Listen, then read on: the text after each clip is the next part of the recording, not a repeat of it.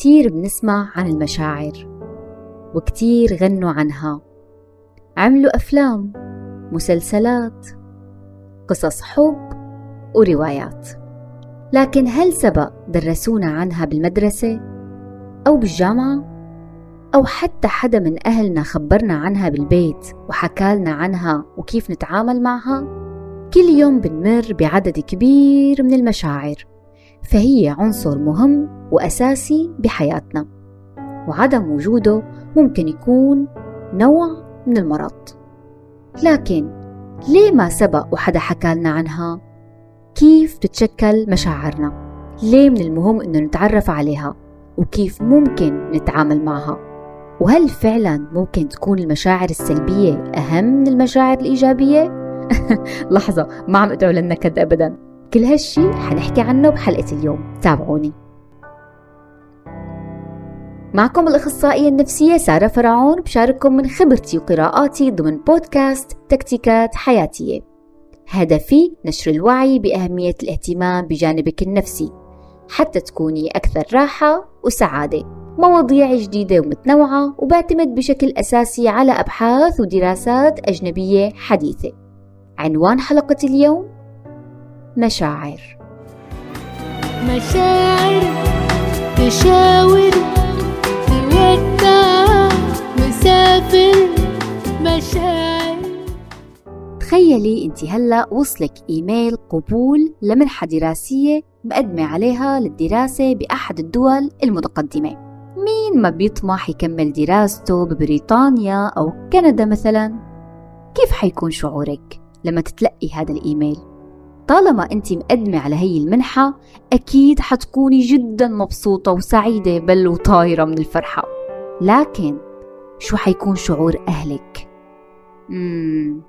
أهلك ممكن ما كتير يكونوا مبسوطين مو لأنه ما بيتمنوا لك النجاح لا لكن لأنه طريقة إدراكهم لهالحدث مختلفة تماما عنك يعني أفكارهم مختلفة عن أفكارك فبالتالي مشاعرهم وردة فعلهم حتكون مختلفة. أهلك ممكن تكون أفكارهم بنتنا شلون بدها تروح وتتركنا؟ يا الله كتير حنشتاق لها. أو مثلا كيف بنتنا بدها تروح تسافر لوحدها؟ بنخاف عليها ما بيصير بنت تسافر لحالها. لكن انت أفكارك ممكن تكون مختلفة تماما عنهم. ردة فعلهم ممكن تزعلك بالبداية. ممكن يخطر لك إنه أهلي ما بيحبوني وليه ما بيفرحوا لي لكن تذكري إنه كل شخص عنده أفكار مختلفة بتقود لمشاعر مختلفة. اذا المشاعر إحدى مصادرها الأفكار. هالشي بيقودنا لتعريف المشاعر. إذا بدنا نعرف المشاعر بشكل بسيط جدا فهي طريقة إدراك الأحداث داخل الجسم وبترتبط ارتباط وثيق بالعاطفة.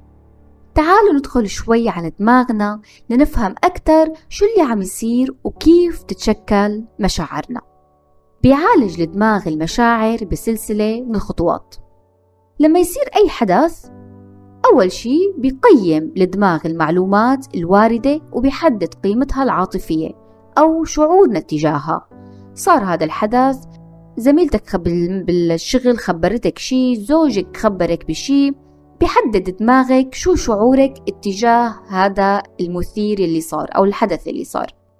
غالبا بتكون هي العملية جدا سريعة وبتتجاوز مستوى وعينا. مع هيك ردة فعلنا الأولية يلي بتكون بشكل غير واعي بتكون معتمدة على أفكار سابقة موجودة عنا يعني مثل ما ذكرنا قبل شوي. بعد هيك بيتم تحديد المشاعر وبنشعر فيها. هي الأحداث كلها بتحدث بمكان اسمه الجهاز الحوفي أو limbic system أهم مكونات الجهاز الحوفي بالنسبة للعاطفة هي ال amygdala أو اللوزة الدماغية. اللوزة هي المكان المسؤول بشكل أساسي عن تشكيل العواطف بالإضافة للاستجابة المهمة جدا واللي هي fight or flight أو استجابة الهروب أو المواجهة.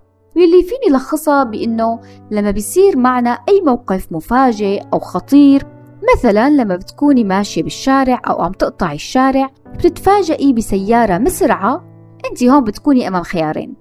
يا أما تهربي وتركضي بسرعة تمشي بسرعة يا أما توقفي ويصيبك الجمود. فإما منهرب أو منواجه. سبحان الله. كل هالشي وكل هالأشياء المهمة هي عم تصير باللوزة. هذا المكان الصغير اللي بحجم اللوزة فعلا مسؤول عن كل هالأشياء المهمة. لكن العواطف مو بهالبساطة. ما بتتولد من جزء واحد من دماغنا بل بتعتمد على عدة شبكات متشابكة مع بعضها البعض مثل الهايبوثالاموس أو تحت المهاد. المسؤول عن إفراز الهرمونات المختلفة المناسبة لكل شعور بالإضافة للقشرة الأمامية المدارية يلي إلها دور بالتفكير واتخاذ القرارات. لهيك إذا قدرنا نتعرف على مشاعرنا بنقدر نتحكم ونسيطر عليها. التعريف اللي ذكرته قبل شوي ذكر أن المشاعر ترتبط ارتباط وثيق بالعاطفة. لحظة. ليه شو الفرق بين المشاعر والعواطف؟ العاطفة هي الشيء الأساسي يلي بتتفرع منه المشاعر. بعلم النفس في عدة نظريات لهالشي. كل نظرية قسمت العواطف لعدد مختلف. لكن أشهر نظرية هي اللي قسمت العواطف لخمس عواطف أساسية. بيندرج تحتها باقي المشاعر. هي العواطف هي السعادة الحزن الخوف الغضب المفاجأة والاشمئزاز. ومثل ما خبرتكم كل عاطفة بيندرج تحتها مشاعر معينة. مثلا السعادة ممكن يندرج تحتها البهجة الفرح. الحزن ممكن يندرج تحته الإحباط الشعور بالذنب وهكذا. الشيء الجميل بمعرفة هي العواطف الأساسية إنه بيساعدك على التعرف وتحديد مشاعرك. لحظة. لكن ليه أنا لازم أعرف شو عم أشعر؟ ليه هو شيء مهم إني أتعرف على مشاعري؟ أوكي أنا معصبة شو يعني؟ زعلني هذا الموقف. طيب وشو يعني؟ شو شو حيصير إذا عرفت إذا زعلني أو لا؟ ليه لازم أتعرف على مشاعري؟ شو حأستفيد من التعرف على مشاعري؟ المشاعر اللي بتشعري فيها سواء كانت إيجابية أم سلبية هي موجودة لسبب. مستحيل تكون موجودة من دون سبب. الشعور بالحزن مفيد الشعور بالغضب حتى الشعور بالخوف. تخيلي لو كنا متواجدين بمنطقة غير آمنة بوقت متأخر من الليل لوحدنا وما شعرنا بالخوف. شو ممكن يصير معنا؟ فمشاعر مثل الخوف والقلق ممكن تنبهنا لمخاطر موجودة بالبيئة المحيطة فينا. بالإضافة لأنها بتساعدنا على الاستجابة وفقا لهي الإشارات أو التهديدات. الشعور بالغضب. الشعور بالغضب ممكن يتفرع منه مشاعر كتير كبيرة. مثلا إذا أنا كنت غضبانة تجاه شخص لكن بشكل غير مبرر. أنا غضبانة منه لكن ما بعرف ليه. لما فكر بشعور الغضب على إنه إشارة ممكن يتفرع من هالشعور أو من هالعاطفة عدة مشاعر تانية مثل الحسد مثل الغيرة وكتير مشاعر تانية. فلما بتفكري بمشاعرك على إنها إشارات حتغوصي وتدخلي عالم تاني. حتستكشفي ذاتك بشكل ما عرفتيه من قبل. من جهة أخرى المشاعر الإيجابية مثل التعاطف الحب التفاهم بيقودنا لإنشاء روابط اجتماعية وعاطفية. وجودها ممكن يساهم بجعل حياتنا أكثر راحة وسعادة. بيقول الدكتور النفسي جيفري نيفيد تخيلي كيف ممكن تكون الحياة إذا ما كنا قادرين على الشعور بالألم. للوهلة الأولى واو يا ريت ما في شعور بالألم. شي جيد كتير إني أصلا ما أشعر بالألم. طب شو الغاية إني أشعر بالألم؟ لشو الصداع؟ لشو آلام الظهر والأسنان؟ لشو آلام العمليات؟ ولشو إزعاج المخدر وكل هالقصص هاي؟ لكن حقيقة الحياة من دون مشاعر ممكن تكون مملة جدا وممكن تكون خطيرة جدا. فحياتنا مثلا بدون الشعور بالألم ممكن تكون حتى قصيرة لأنه الألم بيساعدنا على التكيف. بيوجه لنا انتباهنا للمصدر الأساسي للألم لحتى نتعامل معه. بدون الشعور بالألم كإشارة للتحذير ممكن ما يخلينا نرفع إيدنا عن إبريق الشاي الساخن بالوقت المناسب لتجنب الإصابة بالحروق. بحالات نادرة جدا في أطفال بينولدوا بدون القدرة على الشعور بالألم. للأسف هالأطفال بيجرحوا حالهم بيصدموا راسهم بالجدار ممكن يوقعوا من مكان عالي ويكسروا أطرافهم أو ممكن حتى يشوهوا نفسهم لأنهم غير قادرين على الشعور بالألم. ما بيعرفوا إمتى لازم يوقفوا لأنه هالشي بيأذيهم. ما بيعرفوا إنه اللي عم يعملوه بيسبب لهم إصابات. وفي عدد كبير منهم تنتهي حياته بالانتحار. فالمشاعر هي إشارات بتخبرنا عن حالتنا الذهنية الداخلية. لهيك حاولي ما تتجاهلي أبدا مشاعرك. من المفيد جدا إنك تسمعيها لأنها هي غالبا إشارات وعلامات لوجود شيء غير طبيعي من المفترض التعامل معه ومعالجته.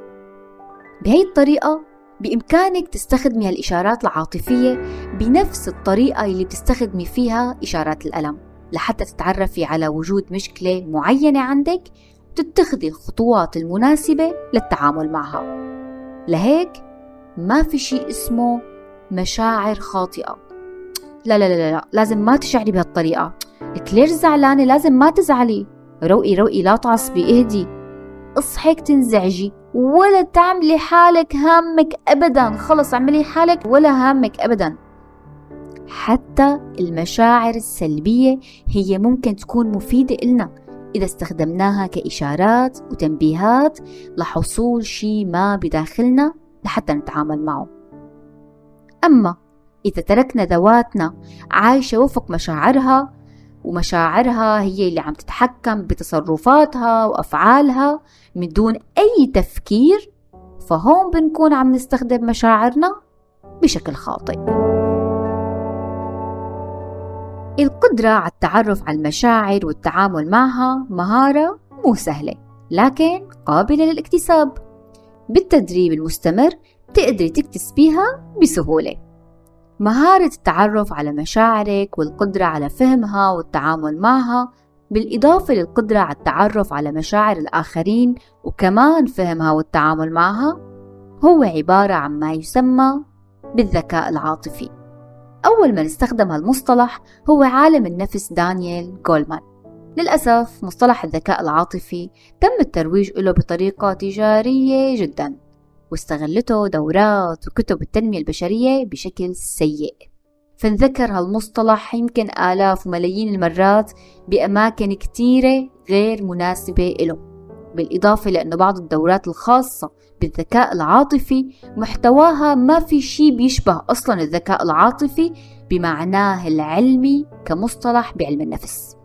تعالوا نتعرف على هالمصطلح بشكل علمي وأكاديمي صحيح. بشكل مختصر وبسيط جدا مكونات الذكاء العاطفي وحسب دانيال جولمان هن واحد معرفة الفرد لانفعالاته بمعنى متابعة المشاعر وتوجيهها لحظة بلحظة. اثنين إدارة الانفعالات يعني القدرة على معالجة المشاعر بطريقة تخليها مناسبة للموقف. ثلاثة استثارة الدافعية الذاتية يعني السيطرة على النزوات والرغبات الملحة. أربعة تعرف على مشاعر الآخرين. يعني الوعي باحتياجاتهم والتعاطف معهم وأخيرا خمسة معالجة العلاقات مع الآخرين من خلال التعامل بلطف ودفء معهم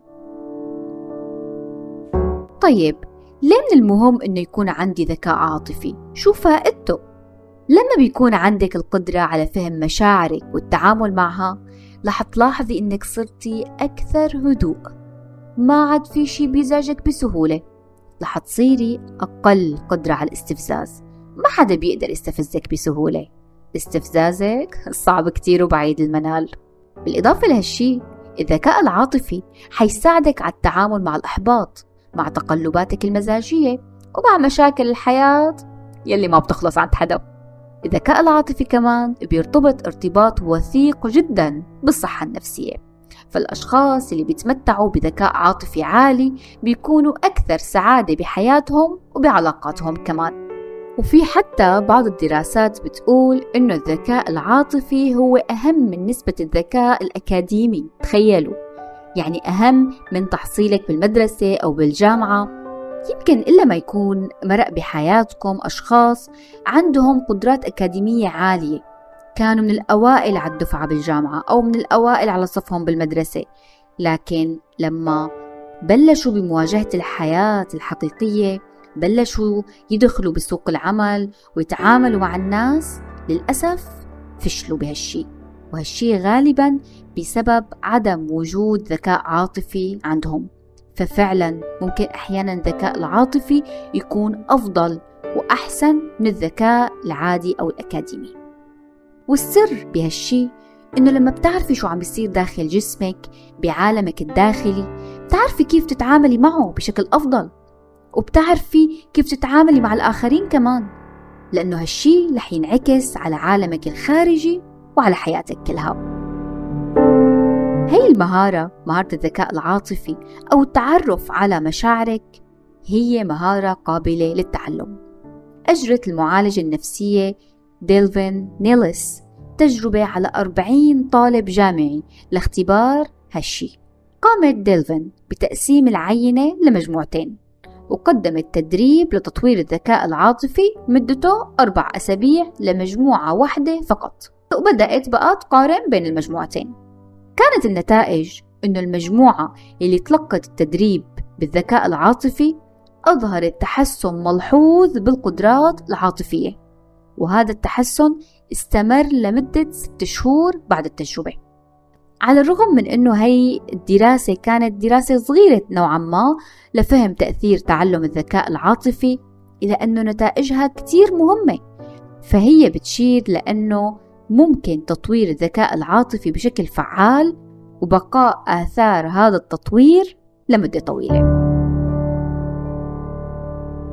كيف ممكن تبدأي بالتعرف على مشاعرك وتتعاملي معها؟ في كتير طرق وأساليب ممكن تعمليها لحتى تتعرفي على مشاعرك وتعرفي كيف تسيطري عليها أو تتعاملي معها.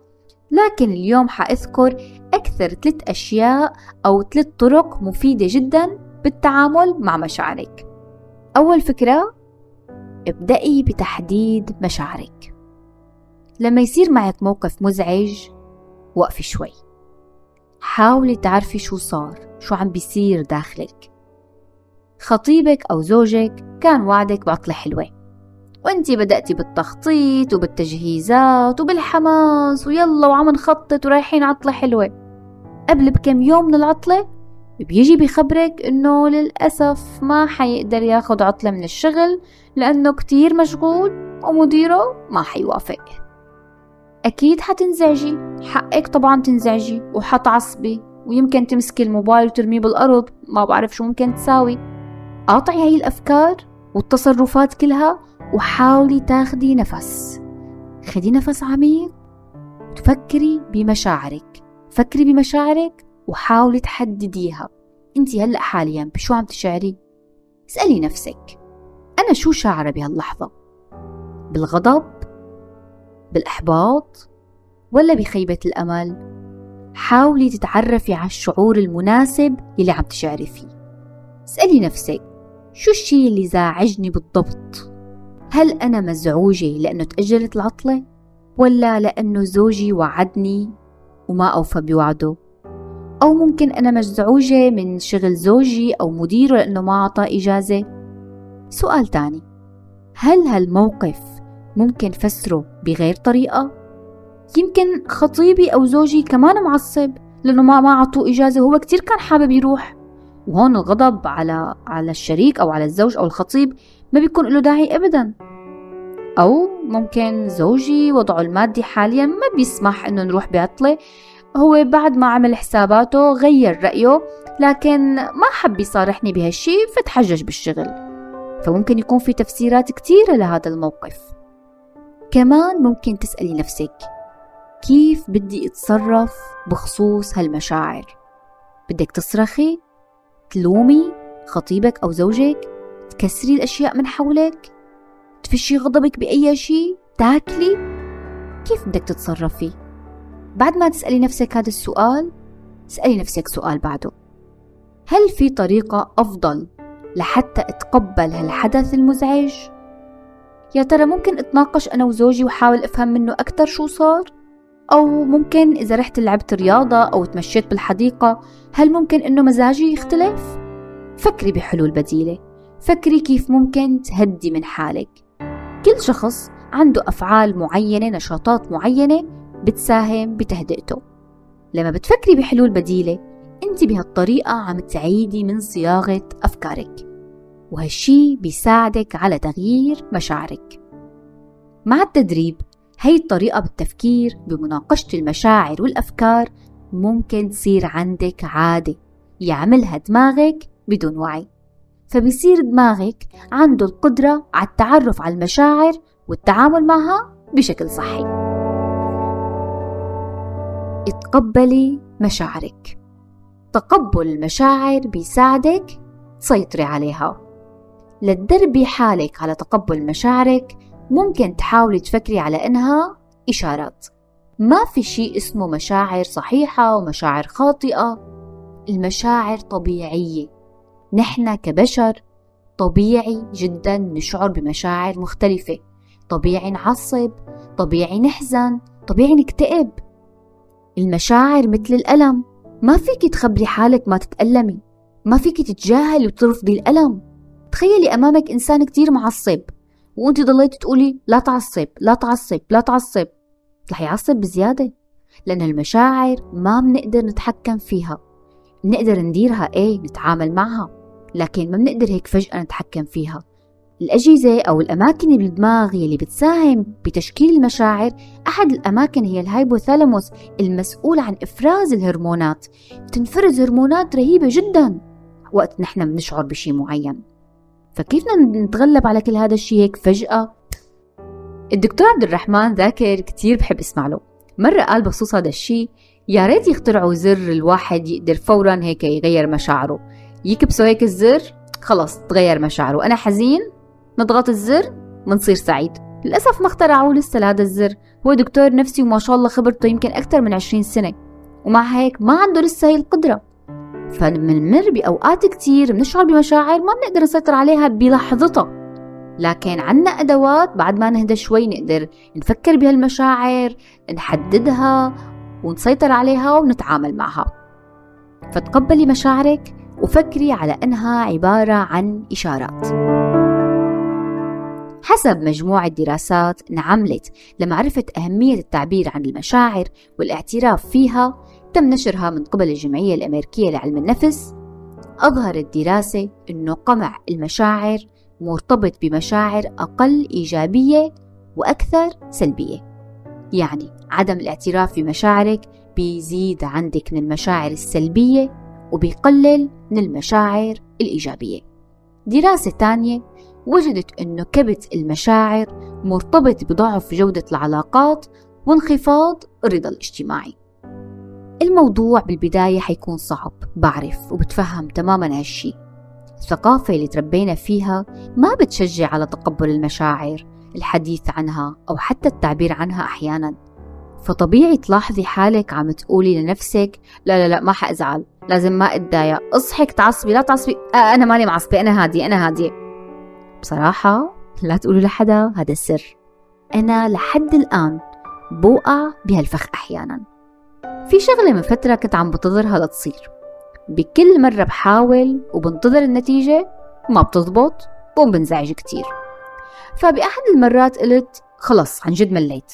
سارة هالمرة رح تجربي بس ما حتنزعجي إذا ما زبطت لا تنزعجي سارة. اصحك لا تزعلي. خلاص أوكي؟ ما حنزعل هالمرة. جربت وانتظرت وللأسف كمان ما مشي الحال بتصدقوا إني هالمرة زعلت أكتر؟ لأنه معي حق أزعل عم يضيع وقتي عم يضيع جهدي عم بتعب عم فكر. وأنا بحاجة لهذا الشيء يعني بدي إياه لازمني. وما كان يزبط. فحقي الطبيعي إني انزعج لازم أتقبل مشاعري. وبالفعل لما مارست التقبل وصرت أتقبل مشاعري ورديت جربت وما ضبط معي هذا الشيء ما انزعجت. صار بالعكس. يعني تقبلت مشاعري. أنا بحق لي انزعج. أوكي انزعجت شوي بعدين خلص يلا كملنا حياتنا. شو حيصير يعني؟ ما لنهاية الحياة. تقبلي مشاعرك. الفكرة الأخيرة اللي حابة أشارككم فيها هي مارسي التقييم الذاتي. من المفيد كل كم يوم إنك تقيمي تصرفاتك وسلوكياتك بشكل موضوعي وكأنها أفعال شخص آخر مو أفعالك. هالشي بيساعدك لتنظري لنفسك من منظور مختلف فبيساعدك هالشي لتتعرفي على تأثير مشاعرك على أفعالك. جربي تتحدي أفكارك بطرح مثل هاي الأسئلة على نفسك بشكل منتظم هل أنا عم فكر بطريقة صحيحة؟ يا ترى اليوم أخطأت بهذا التصرف؟ هل كان لازم استخدم كلمات مختلفة عن الكلمات اللي استخدمتها؟ كيف كانت حتكون ردة فعلي لو أنا حدا تصرف معي نفس التصرف اللي تصرفته مع غيري اليوم؟ هل في طريقة أخرى لحتى أنظر فيها بهذا الأمر؟ هل عائلتي سعيدة معي؟ المواجهة المتكررة مع الذات بتعزز من إدراكك لمشاعرك بالإضافة لأنها بتساهم بتطوير الذكاء العاطفي وهي كانوا أكثر ثلاث أشياء ممكن تساويها لحتى تساعدك لتتعرفي على مشاعرك وتتعاملي معها البعض ممكن يفكر أنه من الصحي تقبل المشاعر الإيجابية فقط ورفض المشاعر السلبية وإلغائها. لكن المفتاح الأساسي للصحة النفسية هو التوازن بين المشاعر. المشاعر السلبية مهمة وبنفس أهمية المشاعر الإيجابية. كيف ممكن تعرفي إنك بحاجة للاستراحة بدون الشعور بالتعب؟ كيف ممكن تعرفي إنك بحاجة لشخص تحكي له عن اللي بداخلك لترتاحي بدون الشعور بالحزن أو الضيق؟ كيف ممكن تصيري أقوى بدون اختبار مشاعر الألم؟ استمعي لمشاعرك حاولي تعرفي شو عم بتحاول تخبرك أنت حاليا شو ناقصك لتكوني مرتاحة أكتر سعيدة أكتر وأكتر توازن لما بتعيشي بحالة التوازن لما بتتقبلي مشاعرك بتصيري قادرة على إنك تعبري عن الفرح عن الحزن الغضب وحتى الخوف بالطرق المناسبة والملائمة. هذا غير أنه بعد اختبار المشاعر السلبية تجي المشاعر الإيجابية أكثر جمال ولذة. بتمنى تكون عجبتكم حلقة اليوم. تقدروا تخبروني رأيكم عن طريق صفحة تكتيكات حياتية على الفيسبوك اليوتيوب أو الإنستغرام. إما عن طريق comment أو تعليق أو عن طريق رسائل الصفحة. لا تنسوا تعملوا subscribe أو متابعة و like للحلقة. دمتم دائما بصحة نفسية.